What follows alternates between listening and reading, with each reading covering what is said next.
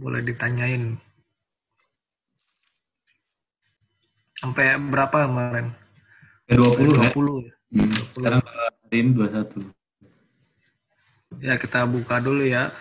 Bismillah, wassalatu wassalamu ala rasulillah. Kalau di record, boleh. Uh, Innalhamdulillah wa nahmaduhu wa nasta'inuhu wa nastaghfiruh wa na'udzubillahi min sururi anfusina wa min sayyiati a'malina may yahdihillahu fala mudhillalah wa may yudhlil fala hadiyalah. Asyhadu an la ilaha illallah wahdahu la syarika wa asyhadu anna Muhammadan abduhu wa rasuluh. Kita kemarin sampai pada kaidah 20, 20 sama 21 tuh nyambung. Coba dinaikin dikit 20 itu bunyinya wal asru fil abda'i wal luhumi. Asal dalam masalah jima dan daging wan nafsi wal amwali lil maksumi. Terus sambungannya ada di bawah. Harus dibaca sambungannya. Tahrimuha hatta yaji al hillu. Fafham hadakallah ma yumal. Jadi naikin dikit biar atau dikecilin biar kelihatan dua-duanya. Nah, jadi uh, asal dalam masalah jima, daging, jiwa, dan harta seorang muslim itu asalnya adalah haram sampai datang penghalalnya. Gitu. Maka pahamilah semoga Allah memberikan apa yang diharapkan. Jadi itu kaidah asalnya kayak masalah jiwa hukumnya haram sampai dihalalkan. Masalah daging hukumnya haram sampai kita jelas bahwa daging itu didapat. Maksudnya daging itu yang mau dimakan itu didapat dari hasil sembelian yang syar'i. Jiwa juga haram untuk ditumpahkan kemudian juga harta haram maksudnya maksum terjaga tahrimuha dari apa terjaga tahrimnya diharamkan sampai datang penghalalnya. Nah itu kaidahnya. Dan kita sudah bahas, sudah singgung tentang hal tersebut, tapi saya open jika ada yang eh, nggak uh, jelas.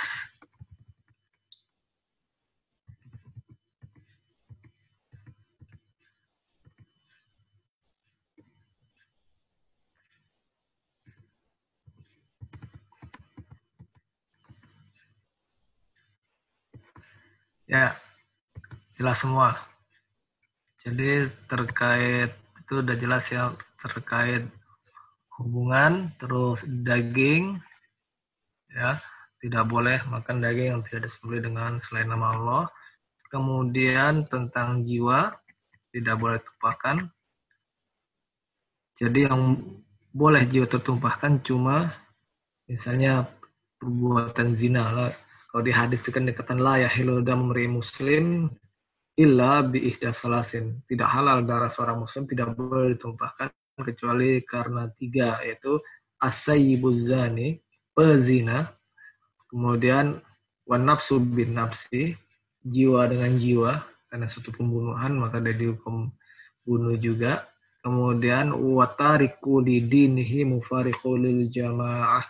Jadi orang yang meninggalkan agamanya murtad memisahkan diri dari jamaah, maksudnya keluar dari agama Islam. Ya, itu penyebab darahnya bisa ditumpahkan. Ya. Dan ini termasuk bagian dari yang kita uh, bahas di awal-awal lima hal yang dijaga dalam agama itu agama, akal, jiwa, harta, dan nasab. Ya, berdasarkan hadis Rasul ketika haji wada, di mana Rasul mengatakan inna dima'akum wa amwalakum wa a'radakum wa a'radakum alaikum haraman. Sungguhnya uh, darah, darah kalian, harta, kemudian arat, arat itu kehormatan kalian terjaga haram. Maksudnya kahurmati yaumikum hada fi syahrikum hada. Sebagaimana haramnya hari hari ini dan bulan-bulan ini yaitu hari di padang Arafah dan bulan yaitu bulan Zulhijjah saat itulah. Kemudian juga ada kaidah bahwasannya uh, asal segala adat itu adalah boleh ibah aslu fil adat al ibahah. Jadi di situ kan kaidahnya gimana bunyinya tuh. Al aslu fi adatina al ibahah. Hukum asal dalam permasalahan adat adalah boleh hatta yaji asoriful ibahah sampai datang dari yang berubah kebolehan. Jadi al aslu fil ibadah al ibahah gitu ya. Asal bukan ibadah. Al asal fil adat al ibahah asal dari hukum perkara adat perkara kebiasaan itu adalah boleh. Misalnya misalnya apa? Misalnya kalau duduk duduk kan itu kebiasaan orang lain-lain. Ada yang duduknya di kursi kalau makan ada yang duduknya sila ada yang duduk apa namanya lesehan macam-macam kan uh, jangankan di antar Eropa antar orang Indonesia aja oh duduknya orang Jawa sama orang Sunda sama orang Sumatera mungkin nggak sama tapi itu adalah adat dan semuanya boleh secara hukum asal sepanjang tidak diatur oleh syariat. Jadi syariat ngatur misal syariat melarang duduk misalnya nyender dengan sebelah tangan. Saya tidak kerjakan hal tersebut. Tapi cara duduk apa pun boleh sepanjang syariat tidak memberikan batasan. Kalau ada batasan, kita taat pada batasan tersebut. Kemudian, misalnya ada orang makan, ada yang pakai tangan, ada yang pakai sendok. Sudah bilang, oh Nabi makan nggak pakai sendok. Eh, makannya pakai tangan, berarti pakai tangan lebih sunnah. Ya, adat, kebiasaan, macam-macam. Kita eh, itu adalah kebiasa, eh, kebiasaan Rasul yang tidak terkait dengan agama secara khusus. Jadi yang disyariatkan adalah makan dengan tangan kanan, bukan uh, secara rinci apakah pakai sendok atau pakai yang lain. Ya, itu adalah kembali kepada adat. Kemudian eh, masalah pakaian, syariat nggak ngatur pakaian tuh mesti kayak apa warnanya apa. Itu ada kebebasan terhadap siapa aja mau ikuti adat siapa gitu. Bahkan bahkan kadang-kadang kita juga nggak boleh bikin gaya sendiri keluar terus kita gayanya kayak pangeran Arab. Nah, itu bisa jatuh ke bentuk pakaian suhroh nanti pakaian yang maksudnya kesombongan gitu bikin sensasi tidak boleh kita bikin-bikin sensasi seperti itu. Kita berpakaian seperti adatnya orang Islam di tempat tersebut. Kemudian apa contoh lain ya? Ah, contohnya salam tahiyah. Karena kita sama muslim kan dia perintahkan untuk saling menyebarkan salam. Misalnya gimana? Eh, eh, contohnya apa? Di Quran ada dikatakan wa idza huyitum bitahiyatin fahayyu bi ahsana minha. Jika kalian diperintahkan untuk mengucapkan salam, maka eh, balaslah salam tersebut dengan yang lebih baik atau minimal dibalas. Itu dalam hadis. Gimana cara ngucapin salamnya? Gimana?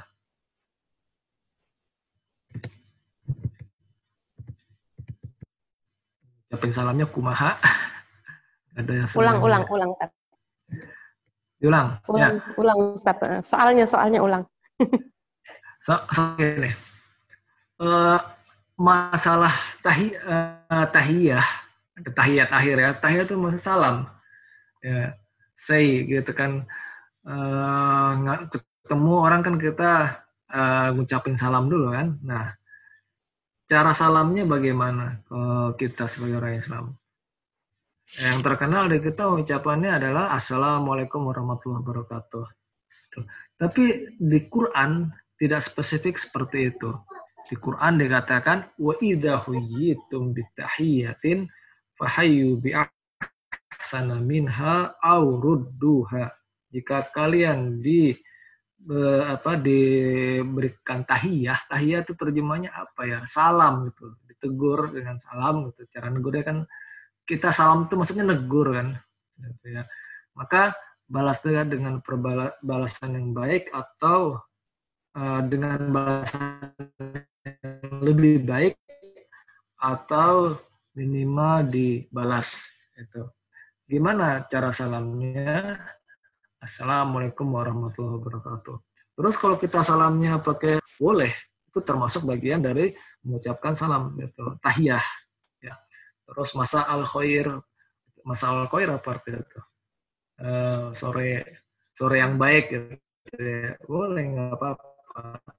Kalau orang uh, apa namanya orang kele-kele apa IPB salamnya gini deh Allah Hafiz dia bilangnya enggak enggak sering kita dengar assalamualaikum. Mereka nyebutnya Allah Hafiz. Ya budaya seperti itu. Nggak apa-apa ya. Kemudian eh, misalnya apa contoh lainnya ada sebagian orang budaya dengan salaman tahiyat itu dengan salaman. Ini nggak apa-apa dia masih menerapkan ayat perintah dalam surat An-Nisa tersebut. Ada yang eh, apa namanya kalau di Jerman itu di masjidnya mesti pipi kiri pipi kanan tiga kali gitu itu masih bagian dari tahiyah dan itu adalah adat kalau di kita mungkin tidak terlalu cocok adatnya seperti itu ya kalau mungkin mungkin ini kali di kalau Prancis cium tangan ya kalau di Indonesia itu hmm? itu kan sempat dulu dipermasalahkan cium tangan uh, apa anak cium yeah. salaman cium tangan itu kan kalau di sebagian orang mempermasalahkan itu tidak boleh gitu loh. Tapi kalau dikembalikan kepada adat, mungkin boleh ya, ya Ustaz manggil. Bahkan kalau di Saudi aku lihat, aku pernah lihat videonya Saya Saimin yang awal-awal itu dia ngajak pramuka, terus anak pramuka tuh hormat sama beliau, terus mereka pegang kepala. Uh, Iya, ada yang pegang kepala malah cium cium, cium dahinya kepala. gitu. Di kita nggak iya. nggak apa cium kepala ya. Nah, di kita nggak nggak cocok ada seperti itu nggak nggak ma'ruf gitu. Jadi agen dari tahiyah dalam ayat tersebut boleh nggak apa-apa gitu. Adat itu diakui dalam Islam boleh ya. Tapi nggak cocok gitu. Uh, banyak ada adat yang dikira mungkin apa bagian dari Islam, tapi sebenarnya itu adat. Dan karena Islam mengapprove, ya boleh. Misal di Saudi ada kebiasaannya kalau sebagian saya itu kalau ketemu muridnya, muridnya dipegang tangannya sama dia. Kalau di kita lihat orang kayak gitu dianggap LGBT. ya. Her. Terus apa contoh lainnya? Contoh lain, uh, sepanjang dia tidak ada dalil mengharamkannya, maka dia adalah ibadah. Sepanjang syaratnya tidak uh, niru-niru apa lain jenis gitu ya, nggak boleh niru perempuan laki-laki kan gitu. Sepanjang tidak niru-niru seperti itu, maka dia adalah adat. Ya. Kemudian kebalikannya al aslu fil ibadah atau wakuf atau at tahrim asal hukum ibadah adalah tawakuf atau tahrim maka itu adalah kaidah yang selanjutnya wal aslu fi uh, adatina wa, uh, bukan walaisa masru'an minal umuri ghairul ladzi fi syar'ina mazkur tidak disyaratkan dari perkara yang tidak sebutkan dalam syariat kita. Nah, ini maksudnya menyitir kepada kaidah fikih kaidah fikih yang mengatakan bahwa al asal fil adat fil ibadat tawakuf hukum asal ibadah itu adalah tawakuf berhenti ya, tidak diizinkan atau haram ya itu bait cair itu menyitir kepada kaidah tersebut jadi kita tidak mengerjakan ibadah-ibadah kecuali ada perintahnya dari Nabi. Dan ini adalah kebalikan dari kaidah adat sebelumnya. Asal hukum adat boleh, sedangkan asal hukum ibadat adalah tidak boleh. Gitu karena bukan hak manusia membuat aturan ibadah. Ruku bacanya apa? Nah, itu bukan hak manusia untuk mengatur bacaan ruku. Semuanya harus sami'na wa ta'na. Bacaan Sholat ketika berdiri, fatihah. Boleh nggak kita ganti? Bukan hak kita buat mengganti. Itu adalah hak mutlak Allah subhanahu wa ta'ala. Makanya di Quran tuh dikatakan bahwa am lahum syuraka usyara'u lahum minad dini malam ya'dan billah. Ah, apakah mereka membuat-membuat taringan yang mereka bikin syariat sendiri dalam agama yang tidak diizinkan oleh Allah Subhanahu wa taala. Nah, Kemudian dari lain misalnya kita khudu ahbarhum wa ruhbanahum arbaban min dunillah. Mereka menjadikan ahbar, apa ahbar itu ya? Ahbar itu pendeta dan rahib-rahib, rahib ahbar dan rahib sebagai Tuhan-Tuhan selain Allah. Itu ayatnya ketika dibacakan ada sahabat yang baru masuk Islam, dia pendeta dulunya, dia protes kami nggak jadikan pendeta kami Tuhan, kita nggak nyembah pendeta, gitu. Maka Rasul maksudnya memberikan tafsirannya, maksudnya bukankah para pendeta itu melarang sesuatu yang boleh dan membolehkan sesuatu yang dilarang? Gitu. Bikin-bikin syariat maksudnya. Mereka melarang nikah, padahal nikah boleh. Mereka melarang buat diri mereka sendiri. Mereka larang makan makanan tertentu, bikin pantangan. Mereka lalu mensyariatkan apa nyanyi misalnya uh, sebagai bagian dari ibadahnya di gereja yang nggak ada di ketemu di apa di Injil pun nggak ada kalau kita cari-cari. Nah, mereka bikin syariat yang tidak ada dalam keterangan dari nabi nabi sebelumnya maka disebut sebagai perbuatan tersebut membuat tandingan selain Allah. Karena hukum, membuat hukum, membuat aturan adalah bukan hak manusia, sedangkan mereka melakukannya. Maka ini adalah bagian membuat syariat, ya. Maka tidak bisa, tidak boleh, dan ini jadi bagian dari kaidah fikih. Kita tidak membuat-membuat uh, apa perkara-perkara dalam agama, yes. Karena cara kaidahnya urusan perkara agama itu haram sampai datang perintah. Ya, saya nggak ingin panjang lebar ke bahasan ini karena uh, sudah sering kita bahas. Kita lanjut ke kaidah selanjutnya. Alwas walwasa ilul umur kalmakosid. Ya. Hukum wasilah seperti hukum tujuannya. Ya, ini kita udah bahas di awal, tapi dia tahunya ditaruh di sini. Padahal ini adalah bagian dari uh, kaidah kubro yang lima. Itu ditaruh di nomor 24. Ya, wasailul umur kal maqasid wah wahkum bihada hukmi lizawaid dan hukumilah hukum itu sebagai tambahan. Dan saya nggak ingin panjang lebar, saya kasih contoh-contoh aja supaya kita bisa implementasikan dengan contoh lain. Contoh, contohnya adalah uh, jadi maksudnya gini, saya eh,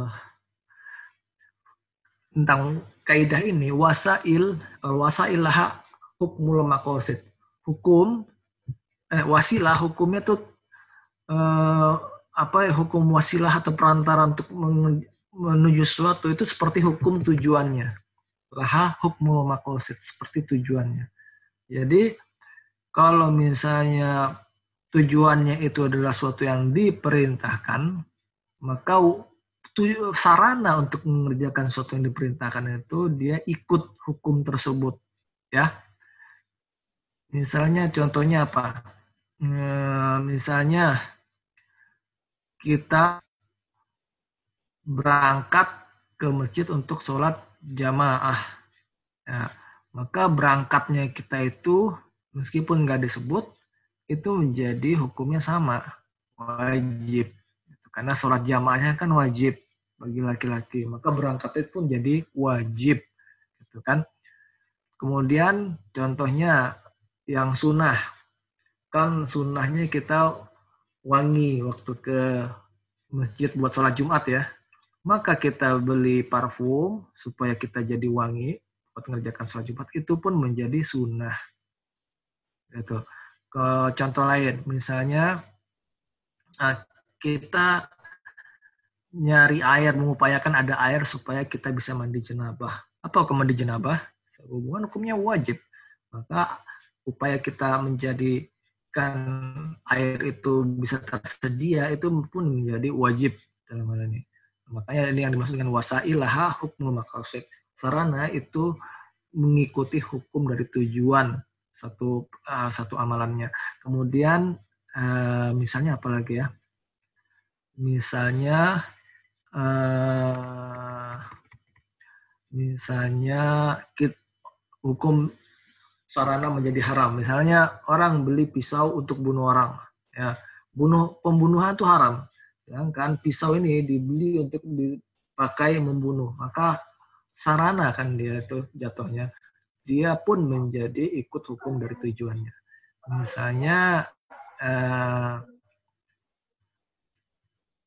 beli obat, obat. obat buat apa obatnya? ya kan kita diperintahkan untuk uh, menyelamatkan jiwa. Itu kokain, eh kokain itu kan nar narkoba. narkoba. Oh, kalau gitu narkotik lah, bukan uh, obat. Narkoba obat mah biar kan sembuh. Buat obat kanker kan, buat kanker. Hmm. Oh, Enggak, jadi buat orang dia kanker, Ustaz.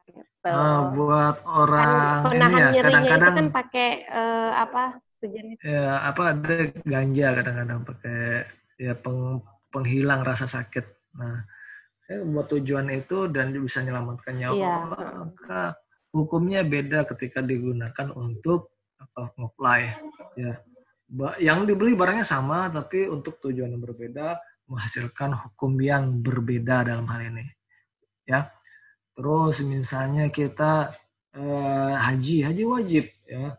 Lalu kita mengupayakan bisa dapat kendaraan buat berangkat haji, maka upaya dapat kendaraan itu yang sedangkan itu adalah masuk wasilah bukan tujuan. Bisa dapat pesawatnya bukan tujuan wasilah sana buat bisa kita menunaikan ibadah haji menunaikan rukun Islam yang kelima. Maka dia itu menjadi wajib dalam hal ini jadi uh, kita coba terapkan dalam perkara-perkara yang lain. Apa hukumnya? Dia uh, hukum tujuannya ini wajib.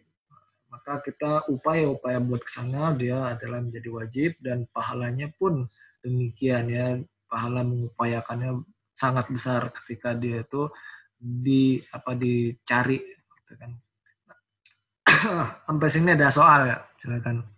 Karena ini akan panjang untuk kaidah yang selanjutnya dan banyak contoh-contohnya. Padahal. Jadi kaidah uh, Afan, Mas Iko tanya. Ya. Jadi kaidah ini masuk ke kaidah al umuru bi maqasidiha ya. Yang pertama kaidah kubur pertama dia tergantung ini. Oh enggak, bukan nih kaidahnya adalah uh, al wasail laha ahkamul maqasid. Ya. Oh iya, iya. Hukum wasah itu atau sarana itu ngikut pada hukum tujuannya. Gitu ya. Sarana mengikuti tujuannya. Seperti uh, apa yang awal kita kasih contoh ya dulu nggak ada toa nggak punya kita speaker buat menyempurnakan suara menjadi lebih panjang lebih jauh tanpa effort gede-gedean buat teriak maka kita pakai sarana itu kan sekarang. Sedangkan tidak sempurna azan itu kecuali pakai mix sekarang. Tidak sempurna, tidak terjangkauannya tidak luas. Maka hukum di situ saat itu dia hukum ngikut. Karena dia sarana kan, nggak ada perintahnya gitu. Punya mic, tapi dia jadi wajib ketika mic itu ada, ya, dan kita malah nggak pakai, itu dosa karena kita tidak mengupayakan semaksimal mungkin supaya suara itu didengar, supaya orang terpanggil untuk datang sholat berjamaah. Orang jadi nggak tahu orang kedengaran ke masjid doang, itu kan. Nah, ini terkait al-wasail kabul makosid. Ya, contoh-contohnya hmm. banyak sekali. Jadi bisa diterapkan. Ya, termasuk termasuk yang tadi itu haji itu ya. Haji kan di kalau di Mekah atau di Jeddah lah yang sudah sangat dekat ke Mekah nih Ustadz. Itu kan ada tulisan besar-besaran no hajj without uh, permit. Maksudnya jadi tidak apakah itu tidak apa menjadikan dia masuk ke dalam syariat sebagai sebagai kewajiban karena banyak yang tidak pakai uh, tasrih gitu, nggak pakai uh, hajj permit gitu. Oh iya, jadi dia meskipun orang ngoboy ngoboy ngoboy ya meskipun orang uh -uh. Saudi pun ada aturan soal itu ya nggak bisa semua ikut iya iya nggak nggak boleh. Jadi ada aturan boleh, ya. pemerintah no hajj. Tadi tidak boleh uh, haji tanpa ada hajj permit itu gitu. Nah kemudian uh, terjadilah diskusi itu nah Ustadz. Jadi ini oh nggak sah loh gitu gitu nggak nggak nggak nggak taat ulil amri gitu kan Nah, mm-hmm. nah itu gimana itu? Apakah kalau tetap dilakukan um, berpengaruh kepada nilai hajinya sendiri gitu, walaupun mungkin rukun dan syaratnya terpenuhi. Gitu. Jadi ini uh, perlu dipisah-pisahkan tentang uh, perbuatan tersebut apakah dia sah dalam artian memenuhi syarat, uh, kemudian apakah boleh, itu kan boleh nggak? Nggak boleh, karena dia maksiat. Karena perintahnya kita adalah taat pada perintah Allah, Rasul, dan pemimpin kita. Pemimpin kita membuat aturan seperti itu supaya terjadi ketertiban. Ketika semua aturan ini nggak ada, orang akan bikin aturan dia sendiri dan jadi tidak tertib. Dan kita sudah punya pengalaman sangat jelek terhadap hal-hal yang tidak berjalan dengan tertib. Kadang bisa mengakibatkan hilangnya nyawa.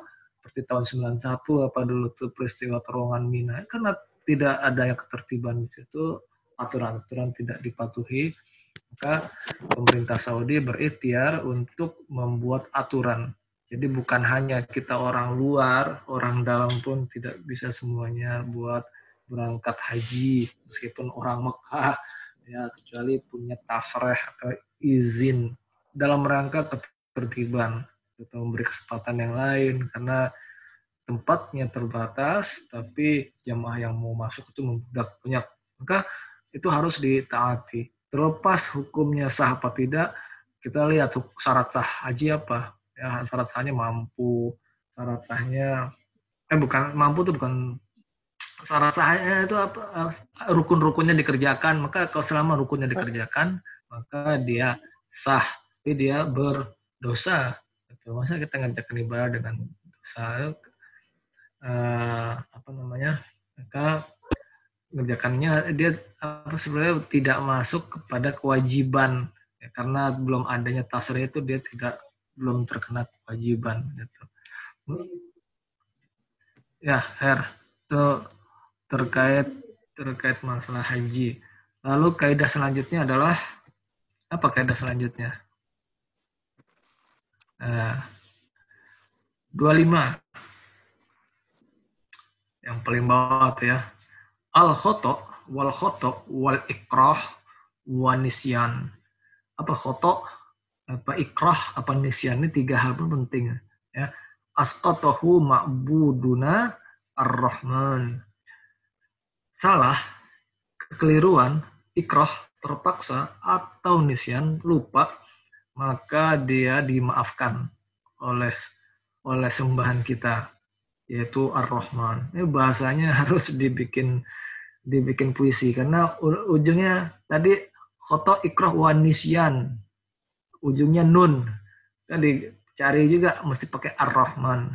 Oh, ar-rahim nggak cocok maka ujungnya dibikin nama saya Asadi ini ar-rahman supaya supaya lebih ablau ya lebih balago nah jadi uh, ini menyitir dari satu hadis Rasulullah SAW di mana beliau mengatakan Rufi Ali an ummati al khoto kemudian anisyan wa mastukrihu alaih ya hadisnya Hasan, ya Hasan dengan banyak jalan. Ya. Tauku doif, tapi ternyata sebagian ulama hasankan karena jalan. Terus sering nyebut kata rufial aklamu ansalasin, diangkat pena dari tiga orang, yaitu orang yang khotok, nisyan, dan ustukrihu alaihi, orang yang keliru, orang yang lupa, dan orang yang dipaksa. Ada hadis lain mengatakan uh, rupial aklam an salasin anisibian dari anak-anak itu diangkat pena. Anak-anak tidak dicatat dosa. Kemudian aninaimi hatta yastaikiz ya. Dari orang yang tidur sampai dia bangun. Orang tidur lalu dia bikin hal-hal yang berdosa pas dia selama tidur nggak sadar maka itu diampuni oleh Allah Subhanahu wa taala. Jadi perhatikan kaidah penting ini tentang hal-hal yang diampuni oleh Allah. Apa makna rufi'ah, diangkat pena? Nah, ini ungkapan bahwa nggak dicatat dosa. Seperti kiasan bahwa kita tahu kan, bahwasannya Allah mencatat takdir seluruh makhluk 50 ribu tahun sebelum menciptakan langit dan bumi. Ya, lalu Allah perintahkan apa saat itu? Allah ciptakan pena yang pertama. Kalau maka dikatakan awal ma khalaqallahu al-qalam dalam hadis ya. Yang pertama yang Allah ciptakan itu sebelum ada dunia dan sisinya adalah pena. Ya, lalu Allah berfirman pada pena, uktub. Lalu pena tanya, maktub ya Rabbi. Apa yang aku harus tulis wahai Tuhanku? Uktub kulla sya'in, kulakain. Tulis segala sesuatu dari saat ini sampai nanti hari kiamat. Jadi semuanya ditulis sama itu pena. Ya udah kayak mesin printer, dia ngeprint apa ya tulis semua sampai selesai. Oh, udah selesai, Lanjutannya warufi al aklamu wajaf suhuf. Maka pena telah diangkat, berhenti dia nulis ketika sudah selesai. Wajaf suhuf. Lalu tintanya mengering. Artinya apa-apa yang sudah ditulis sama pena itu menulis takdir itu udah nggak akan dihapus lagi, udah ketulis ya. Maka orang-orang ini yaitu orang-orang yang dia ini keliru dan dia ini lupa, lalu dia ini dipaksa, dia tidak ditulis dosanya. Ya, seperti itu. Sekarang seperti apa yang dimaksud orang yang khotok?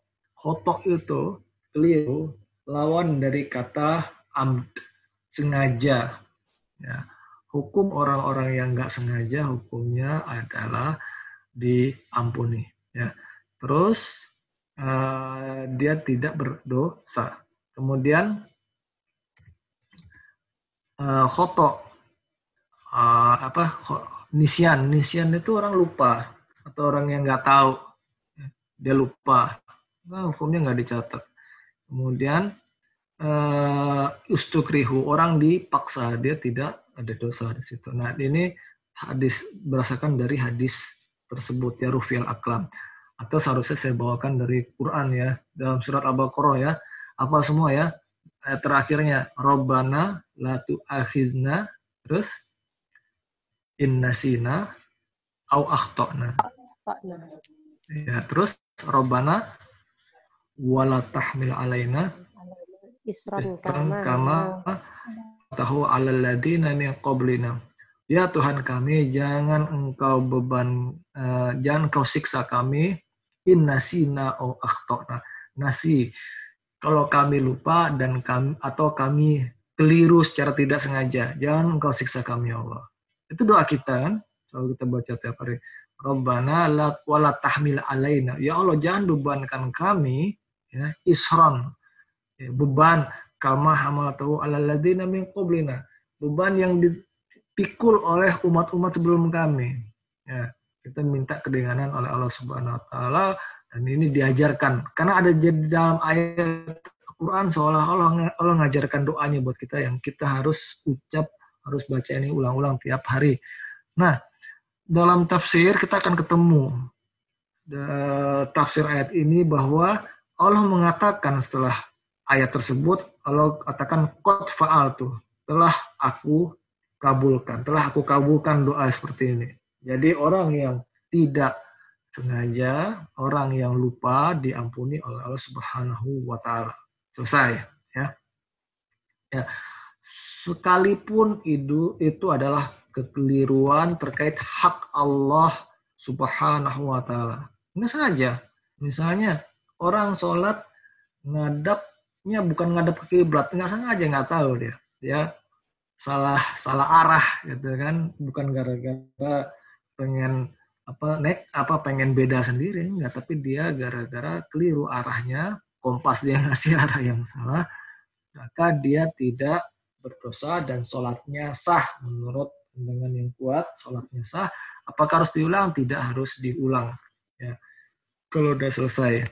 Kemudian juga kekeliruan terhadap orang lain maka itu diampuni. Kalau nggak sengaja hanya saja hanya hanya dia harus menanggung hukumannya. Apa bukan hukuman apa hukuman demand ya.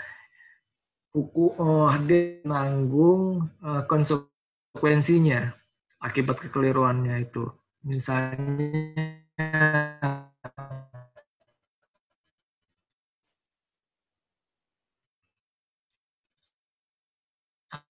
uh, orang nggak sengaja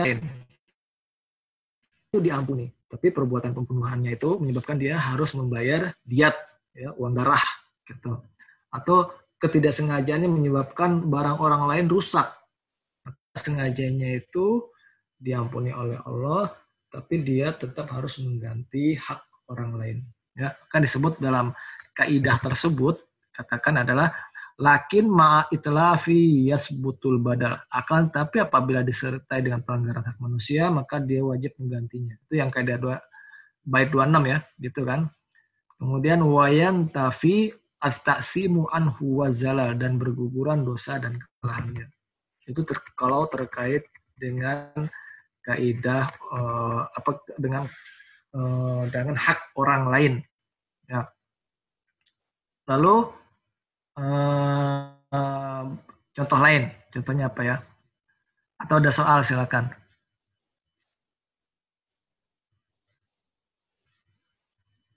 Mas? Ya. Kalau lupa berniat ketika sholat itu gimana lagi sholatnya? Kan lupa. Terus sholat sholatnya nggak sengaja atau gimana? Nggak sengaja langsung iya ya sengaja ya eh, nggak sengaja memang ya niatnya dalam hati ya iya harus diucapin ya benar-benar benar iya. orang yang sholat oh, nggak oh, iya. sengaja tuh ya. cuma orang yang nggak pikir dan kita orang yang oh, pikir oh iya iya gitu. karena niatnya nggak diucapkan itu ya uh, hmm. justru karena okay. kita mix sama konsep niat itu mesti dulu ucapkan itu bikin hidup kita susah wah sholatnya nggak baca niat. diulang. Wah hmm. repot. Itu uh, misal contoh lain ya contoh lain. Uh, ini uh, lagi santer di internet kan sering muncul tiap bentar tentang hukum orang yang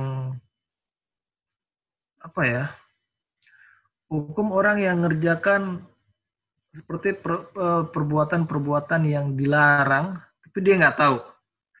Eh, bahkan perbuatan-perbuatan yang kufur. Apa contohnya ya? Contoh contoh dia ini datang kuburan terus minta-minta kuburan orang soleh. Apa hukumnya? Kalau misalnya nggak tahu nggak apa-apa kan? Misal belum sampai ilmunya. Hukumnya dia secara hukum dia adalah kufur itu secara hukum gitu kan. Nah, itu secara hukum perbuatan ya. Tapi hukum terhadap pelaku ini lagi. Kita wajib merinci pelakunya itu seperti apa. Karena sering kali hukum suatu perbuatan tidak selalu mengakibatkan pelakunya hukum hukumnya seperti itu juga. Kadang-kadang dipisah. Misalnya apa ya? Jadi ya, ini mas. ini? Ya silakan. Mas Jika. Mungkin gini, eh, saya tidak ada niat eh, merayakan Natal ya. Hmm. Eh, tapi saya punya tetangga baik banget.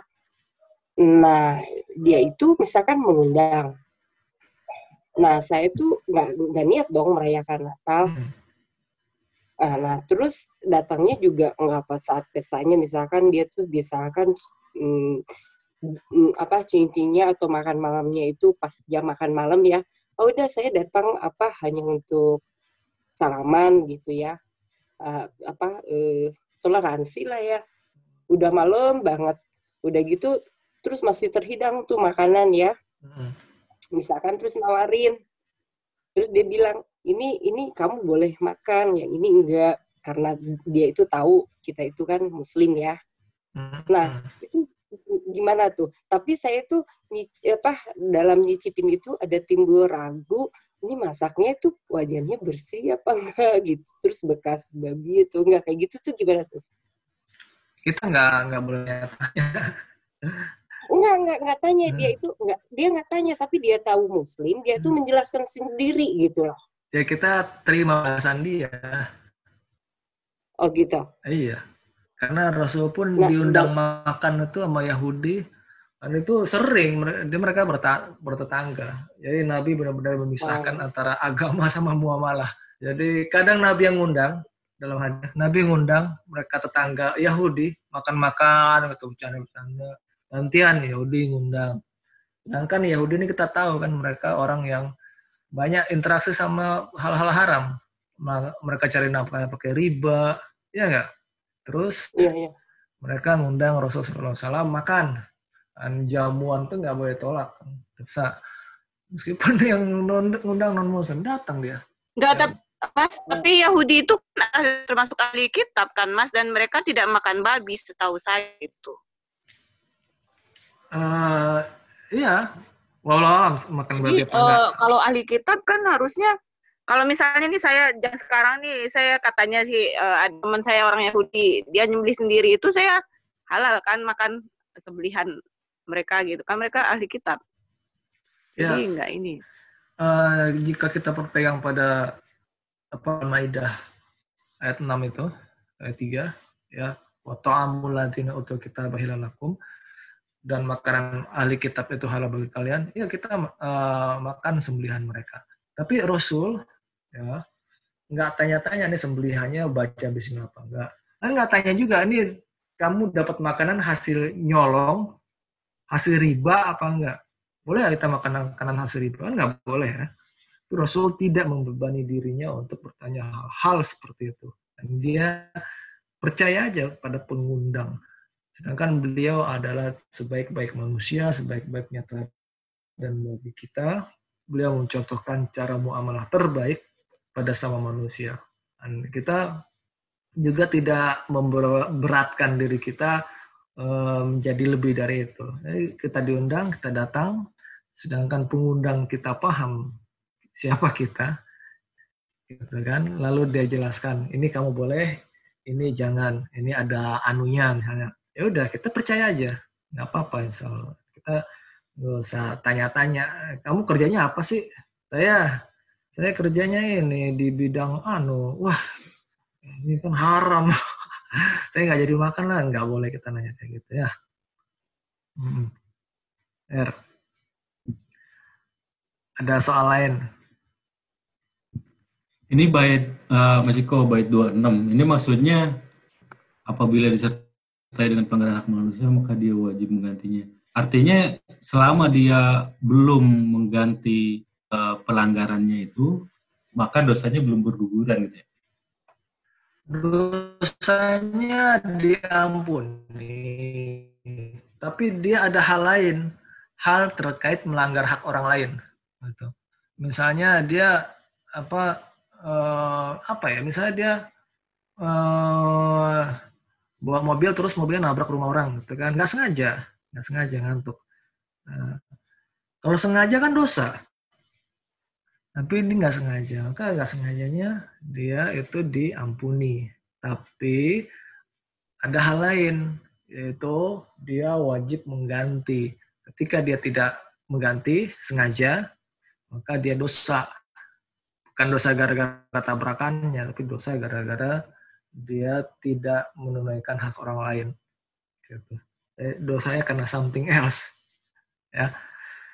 Lalu, uh, Afwan, mesti kok ada pertanyaan. Silakan. Kalau misalnya uh, ada orang pikun, terus beliau uh, tidak sengaja menyakiti perasaan orang lain, itu gimana, Mas kok? Sama, dia ikut hukum anak-anak. Oke, oke. Anak-anak itu nggak dicatat. Orang pikun juga nggak dicatat. Alzheimer ya orang Kalau misalnya menyakiti perasaan orang lain, bukannya dia harus meminta maaf gitu kan, Bang? Anak-anak minta maaf gak kalau nyakitin perasaan ya. orang lain? Enggak. ya, ya ada yang bilang gitu. Orang tua kalau udah sampai pada masa seperti itu dia jadi seperti anak-anak kata orang. Tapi yang ya, jelas dia something else. Alias dia tidak lagi mampu pikirannya itu mengelola seperti cara berpikir orang normal.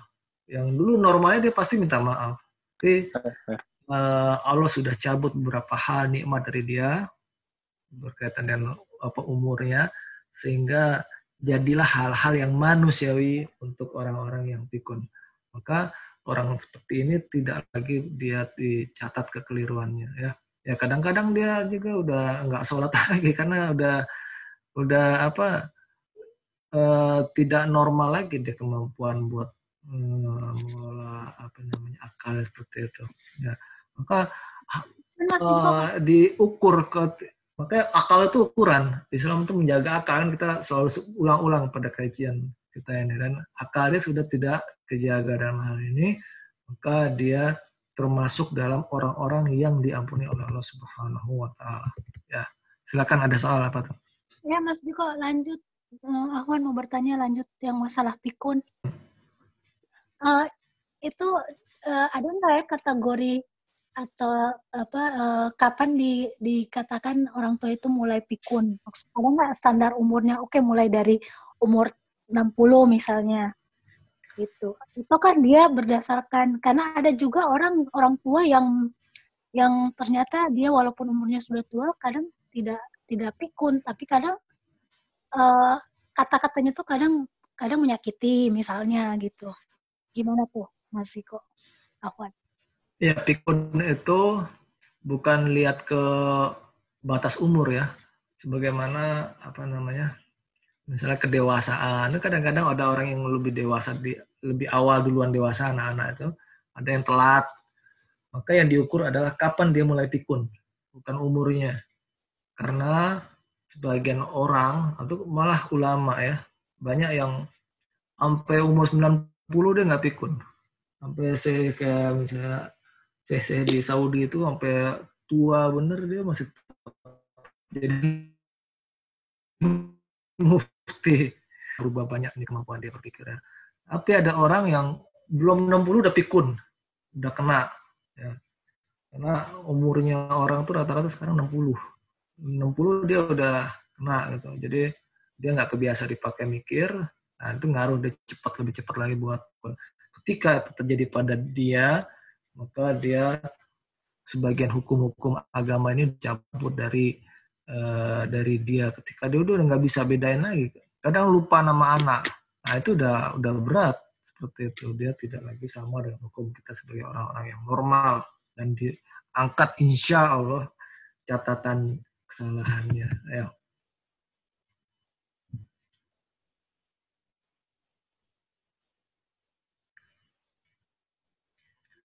Nah, kembali saya uh, ingin menyinggung misalnya uh, perbuatan kan orang yang minta-minta ke kuburan, ya itu apa uh, hukum orangnya tersebut? Hukumnya adalah perbuatannya kufur, jelas, ya. Atau contoh lain yang perbuatan kufur. Tapi orang tersebut tidak tahu hukum tersebut, tidak paham. Karena apa?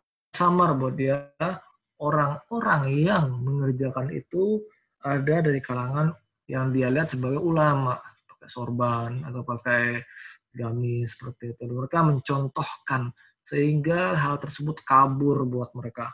Enggak apa enggak jelas batasan mana tauhid mana syirik buat mereka. Maka perbuatannya iya kufur tapi fonisnya tidak sederhana itu kita jatuhkan pada orang-orang tersebut. Ya. Jadi ada yang namanya uzur bil jahil ampunan bagi kebodohan. Orang yang bodoh dia uh, diampuni kekeliruannya karena dia nggak tahu, ya, karena dia tidak ngerti aturan tersebut, ya. Dan uzur bil jahal ini juga melihat pada kondisi negeri dia seperti apa. Kalau negerinya mungkin di Saudi Arabia yang cukup uh, keras terhadap perkara-perkara seperti kesyirikan, dukun, dan perkara seperti ini diulang-ulang mulai dari SD, SMP, SMA, ya dalam kurikulum maka tak ada uzur bil jahal cara ini. Artinya orang masih ngerjain juga switch. Tadinya dia di atas tauhid yang benar terus dia switch, maka dia kufur, dikafirkan. Ya, sedangkan orang yang nggak ngerti, malah di negara Islam ini perkara seperti itu campur aduk gitu. Ada yang bilang boleh ada yang bilang enggak.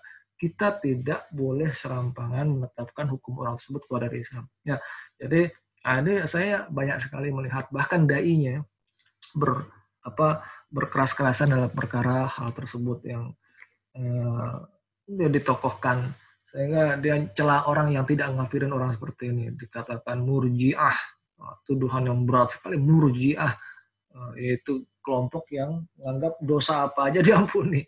Bukan, bukan seperti itu. Kita bukan mengatakan dosa apa aja diampuni. Enggak, kita merinci supaya kita tidak mudah-mudahan memfonis saudara sama muslim yang mereka ini jahil, yang ilmu tentang hal ini samar, yang ilmu tentang hal ini tidak sampai kepada alam berpikir mereka. Ya. E, terus gimana dong sama misalnya orang yang sholatnya sholatnya salah, misalnya orang yang sholat apa juhur, eh tapi lima rakaat boleh gak? Iya di negeri kita nggak ada orang ngerjain itu. Kalau ada orang ngerjain itu berarti nilainya nyempal kufur. Jelas nggak ada uzur jahil. Karena ini masalah yang jelas buat semua orang. Gitu. Lain halnya dia datang dari negeri yang apa penganut Islam sedikit, ya atau dia adalah orang yang baru masuk Islam. Itu dia nggak pernah diajarin dari kecil. Dia ngerjain sholatnya salah, apa rukun-rukunnya nggak benar seperti itu. Maka ini punya hukum yang berbeda ya dengan kita kaum muslimin yang diajarkan ini dari kecil misalnya dia memiliki hukum-hukum yang berbeda. Kadang mereka uh, ber, kalau wanita hijabnya nggak benar cuma selempangan doang. Nah itu kita tidak samakan hukumnya dengan kita ya. Semua ada takarannya, ada ada hukum hukumannya. Ketika dia sampai ilmunya dia dijelaskan nah, dan yang jelaskan adalah orang yang bisa diterima oleh dia, ya banyak syarat-syaratnya supaya vonis itu jatuh gitu. Nggak langsung wah saya udah jelasin tapi dia ngeyel. Nggak bisa seperti itu. Ente jelasin dia bahasanya misalnya bahasa Rusia ente ngomong pakai bahasa Inggris dia nggak nangkep kecuali sepotong-potong nggak bisa ya nggak terjadi ikomatul hujah dalam hal tersebut.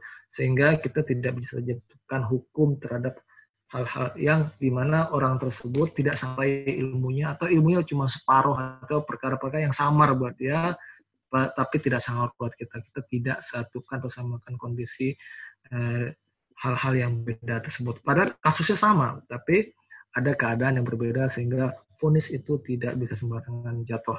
Ya ada soal terkait ini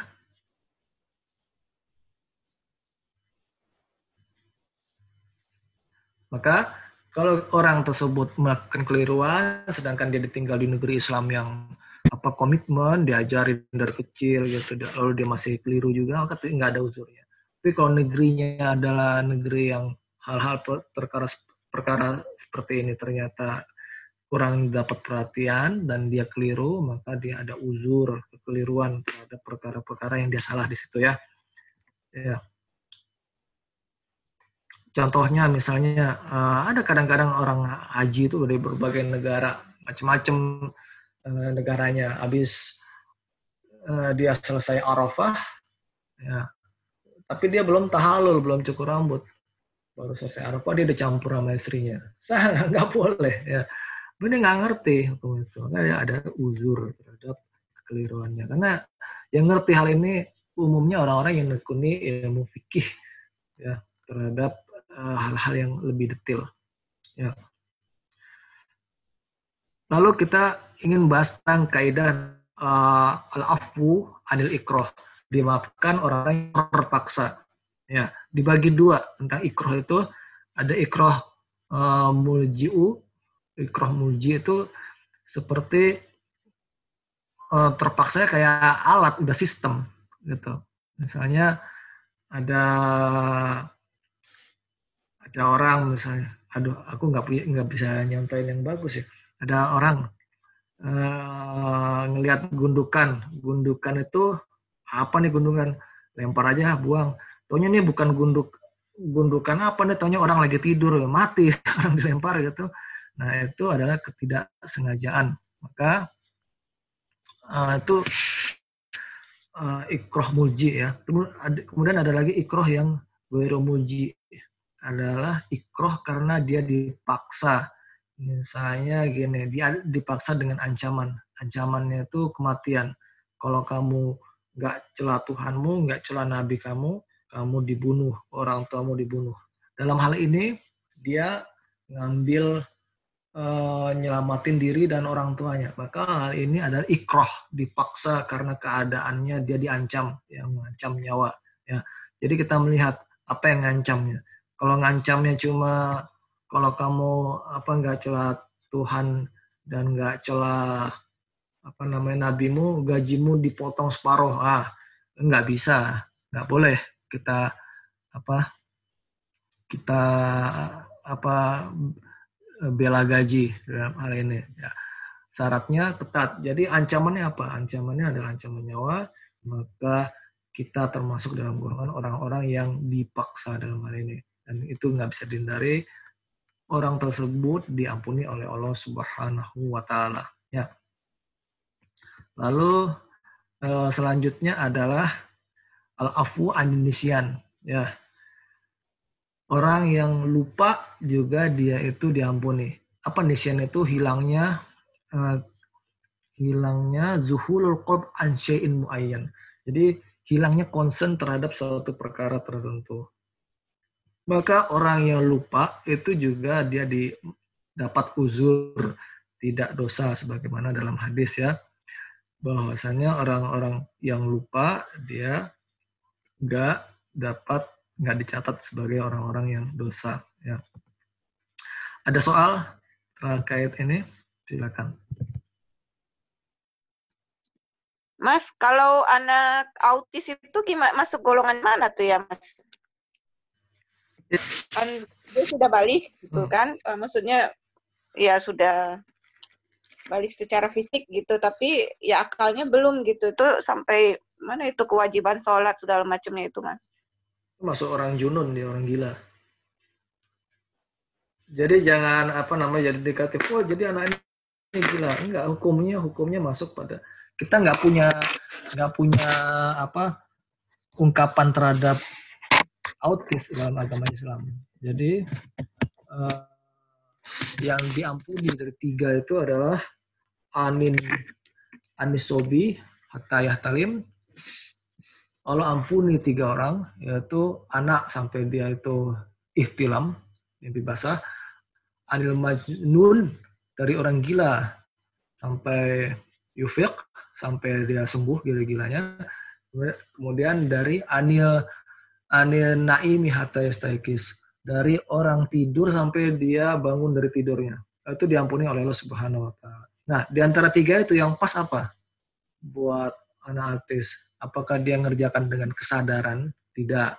Ya, bahkan kalaupun melatih anak autis bisa ikut sholat karena mereka itu jadi apa namanya? Jadi dipaksa, otaknya disuruh merekam nih gerakan sholat gitu ya. Tetap aja dia ngerjakan sholat itu bukan dengan mungkin bukan dengan niat seperti kita kan tapi karena adat kebiasaan ya enggak kan gitu ya yeah. dia uh, sebagai dan mereka punya spektrum yang lain-lain. Ada yang bisa ngomong ada yang orang tuanya gigih sehingga akhirnya dia bisa ngomong lalu bisa mendekati seperti orang normal. Maka hukum terhadap mereka ini lain-lain. Ketika mereka benar-benar nggak ngomong benar-benar apa di, di order tidak bisa maka tidak sama dengan mereka yang uh, lebih mendekati kepada yang normal, kemudian bisa bisa apa malah sebagian ada yang sembuh gitu. Ada yang jadi benar-benar brilian seperti Einstein konon katanya juga kabarnya juga dulunya dia seperti itu. Maka hukum seperti ini dilihat sejauh mana dia bisa menangkap pesan orang. Gitu. Ketika dia bisa menangkap dari misalnya spektrum dia masuk yang paling ringan maka dia ikut hukum-hukum orang yang normal ketika spektrum dia paling jauh ya di mana dia tidak bisa bedakan mana baik mana benar. Ya, dan umumnya mereka seperti itu. Maka dia ikut pada hukum orang-orang yang diampuni oleh Allah Subhanahu wa taala. Sampai umur berapapun. Gitu ya. R. Ya, ada lagi soal lain silakan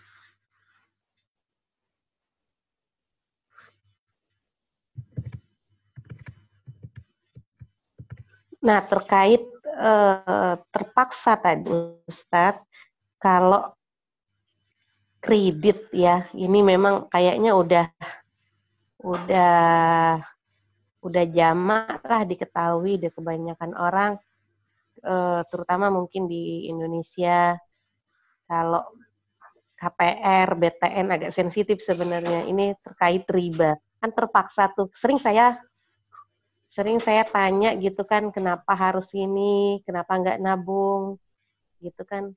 Ini terpaksa kalau nggak begini nggak punya rumah gitu. Kalau nabung pas tabungannya udah uh, sekian harga propertinya udah tambah naik gitu. Terus dengan dalih uh, mudorotnya lebih besar kalau nggak ngambil kreditan nah ini gimana ini men, apa untuk untuk men, menenangkan hati juga ya. Gimana nih Ustaz?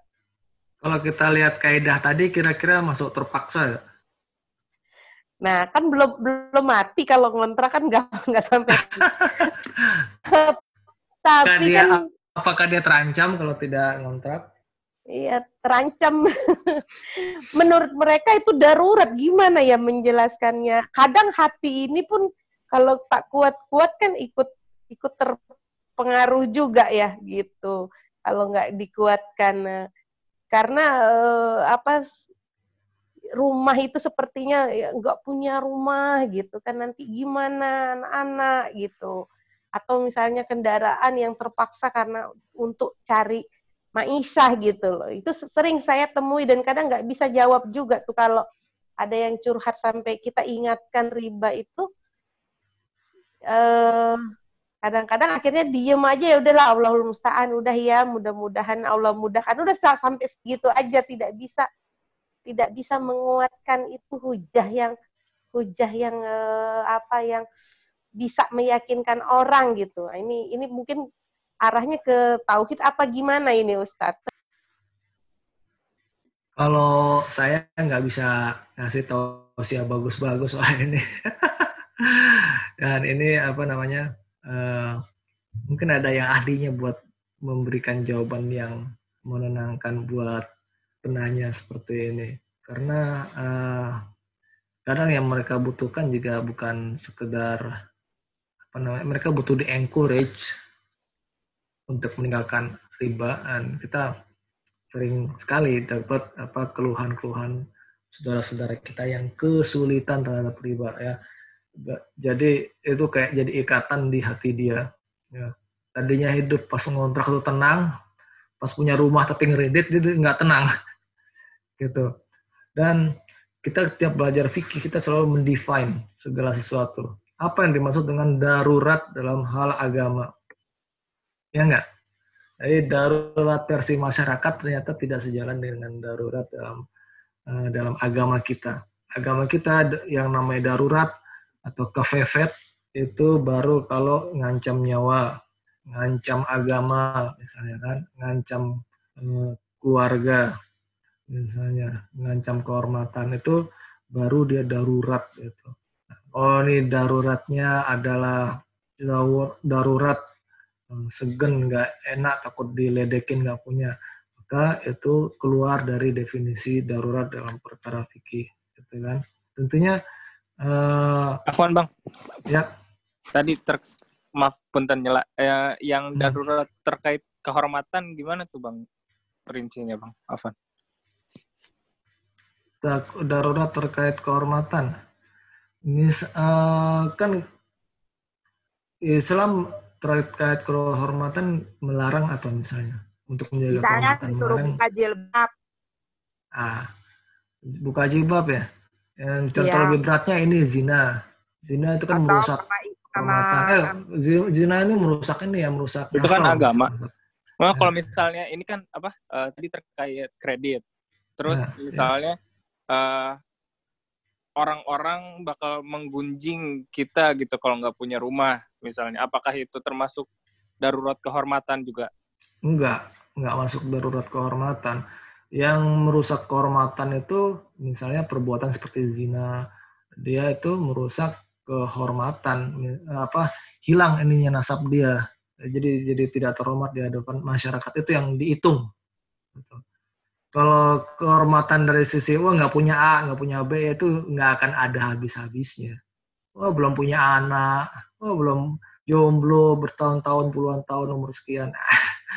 Itu kan di mata masyarakat tuh kurang terhormat. Tapi yang dikejar dalam perkara agama adalah kehormatan dari sisi din, dari sisi agama yang merusak muruah, merusak muruah tuh muruah. Marwah kalau di apa di di sisi kehormatan. Nah, ya tapi di sisi agama misalnya apa? Misalnya orang uh, berbuat mencuri. Itu rusak kehormatan dia udah dari sisi agama ya. Apalagi dia udah kena hukum tangan udah copot separuh potong rusak kehormatan dia. Nah, Islam menjaga hati itu. Tapi yang lain yang secara adat adalah kehormatan itu tidak selalu sejalan dengan apa yang dikendaki oleh Islam terhadap kehormatan. Ya, kalau hitungan kehormatan di adat masyarakat cenderung kepada materi, sedangkan Islam itu bukan perkara materi seperti itu ya. Belum nggak punya mobil, udah kerja di sini, nggak kerjanya masih apa masih kontraktor ya. Uh, tahun ini dikontrak besok nganggur. Nah, itu uh, bukanlah hitungan dalam agama kita. Hitungan dalam agama kita adalah muruah terkait agama ketika dia itu ternodai maka itu harus dijaga ya. Jadi eh, rata-rata uh, alasan ngambil kredit itu bukan kehormatan dari sisi itu ya. Atau ada? Coba.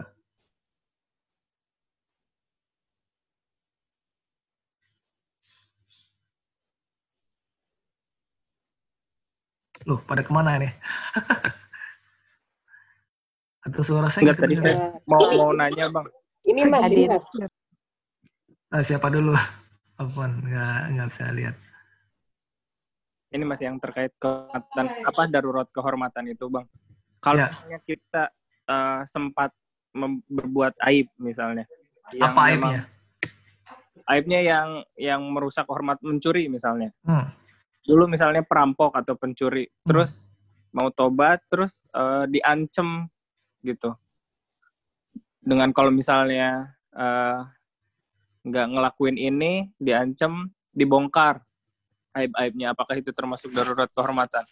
Dan kita apa jadi terlepas gitu dengan melakukan itu dengan dalih apa paksaan. Misalnya, ah ini harus per kasus memang, per kasus. Ya, kalau kasusnya mencuri, dia dipaksa mencuri, ngambil hak orang lain. Kalau nggak nyolong, apa eh, kasus dia dibuka, dia nggak akan melakukan hal itu, nggak bisa, dia tidak boleh eh, menuruti, ya.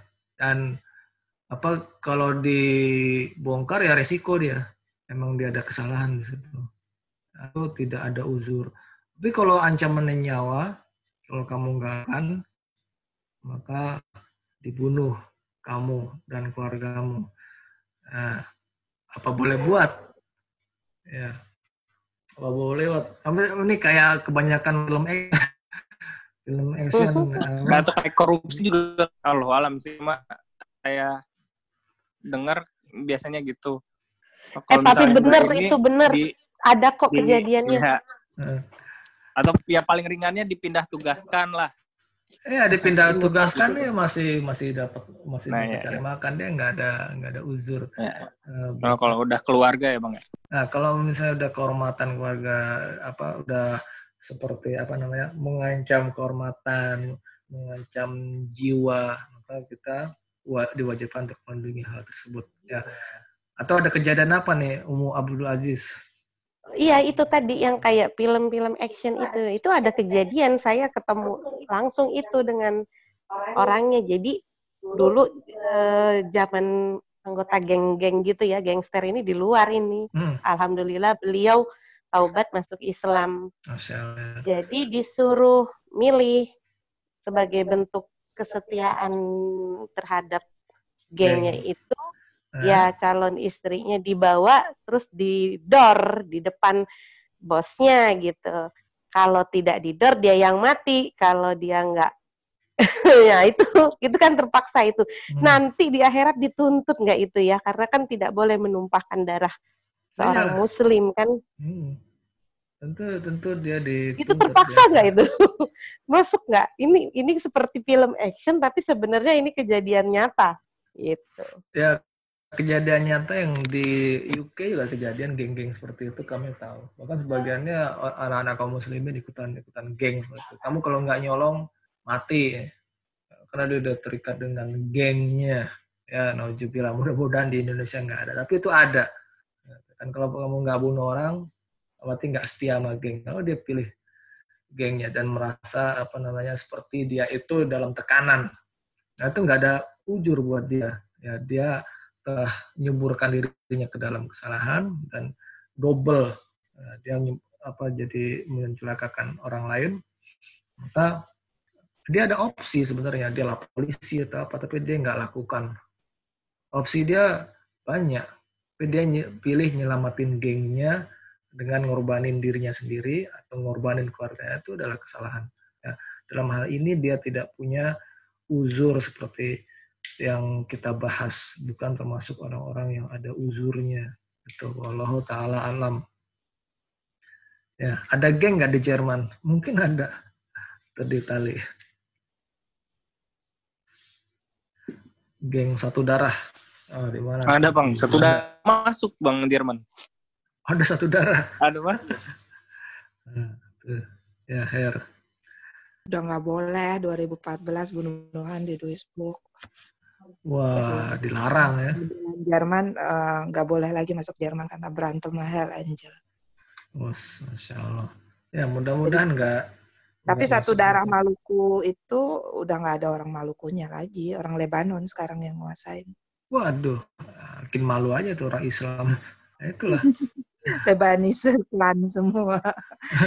ya memang rata-rata ya gitu sih, memang mafia-mafia kan. Ya, mafia.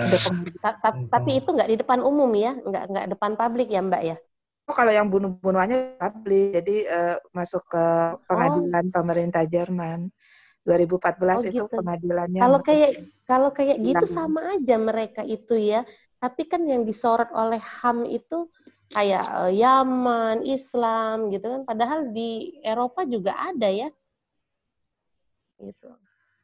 Ya di Eropa Kalau, ada, cuma lebih terkontrol, kan? lebih terkontrol, lebih oh. terlokalisir. Uh, ya, ya kita saya Lebanon kalau di sini yang Muslim Lebanon sama Turki ada cuma yang paling kuat memang Lebanese yang nguasain uh, drug prostitut sama ya yang hitam-hitam daerah kalau orang kalau di kalau ya, di Yaman bapaknya pengalaman tugas di Yaman itu i, biasa nenteng-nenteng senjata AK berapa AK-47 itu di jalan-jalan biasa gitu. Nanti kalau kesel pernah ada kejadian di restoran mungkin nggak tahu habis berantem apa datang udah aja tuh kayak di film itu udah udah udah biasa gitu serem banget ya ya di sini juga di sini oh, juga ada? di dekat rumah di ya dekat rumah kemarin yang tujuh tembakan itu terus anak saya juga lagi potong rambut.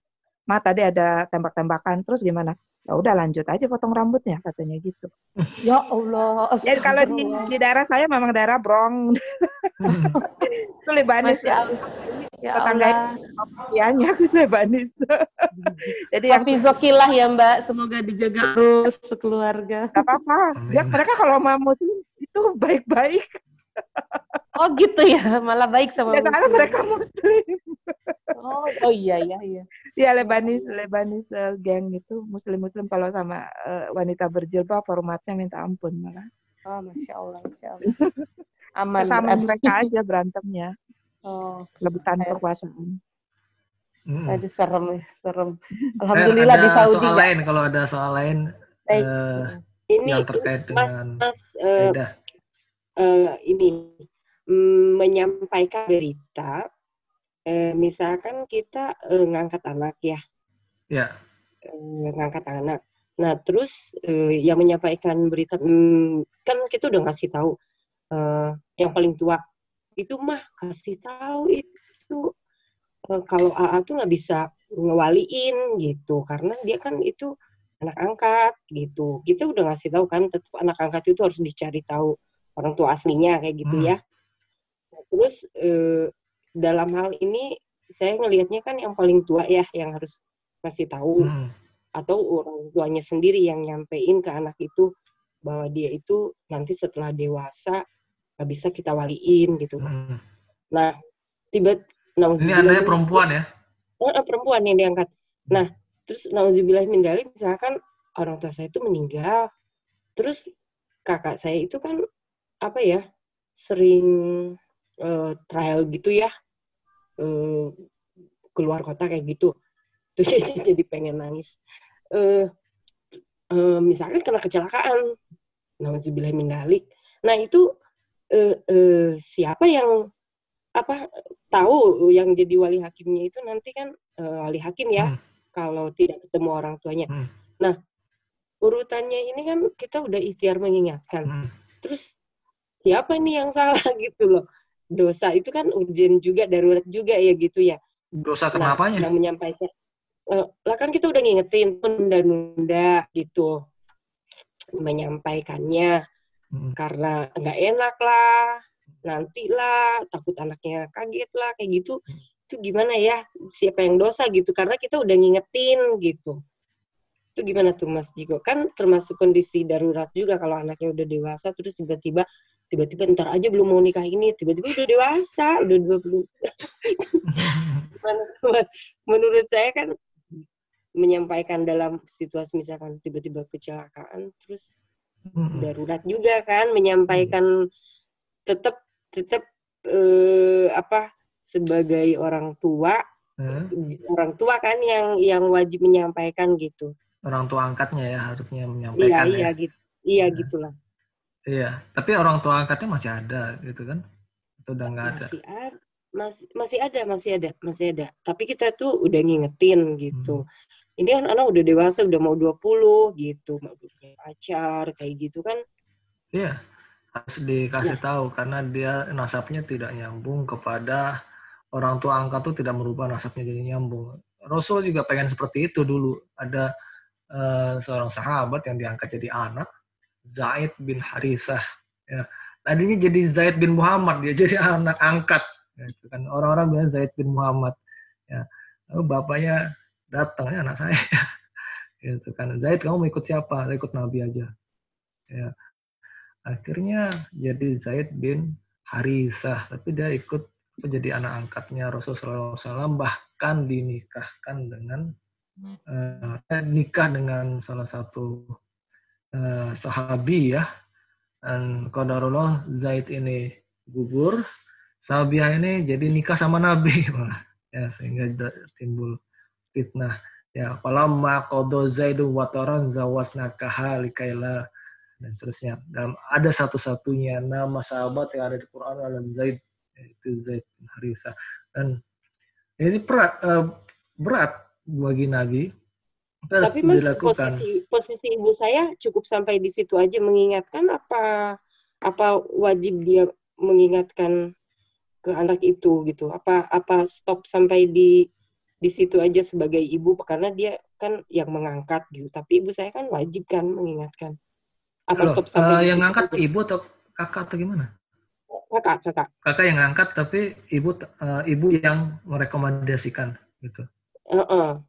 Ya tentunya semuanya punya tanggung jawab untuk memberitahukan dan paling besar adalah orang yang ngangkat itu untuk menjelaskannya.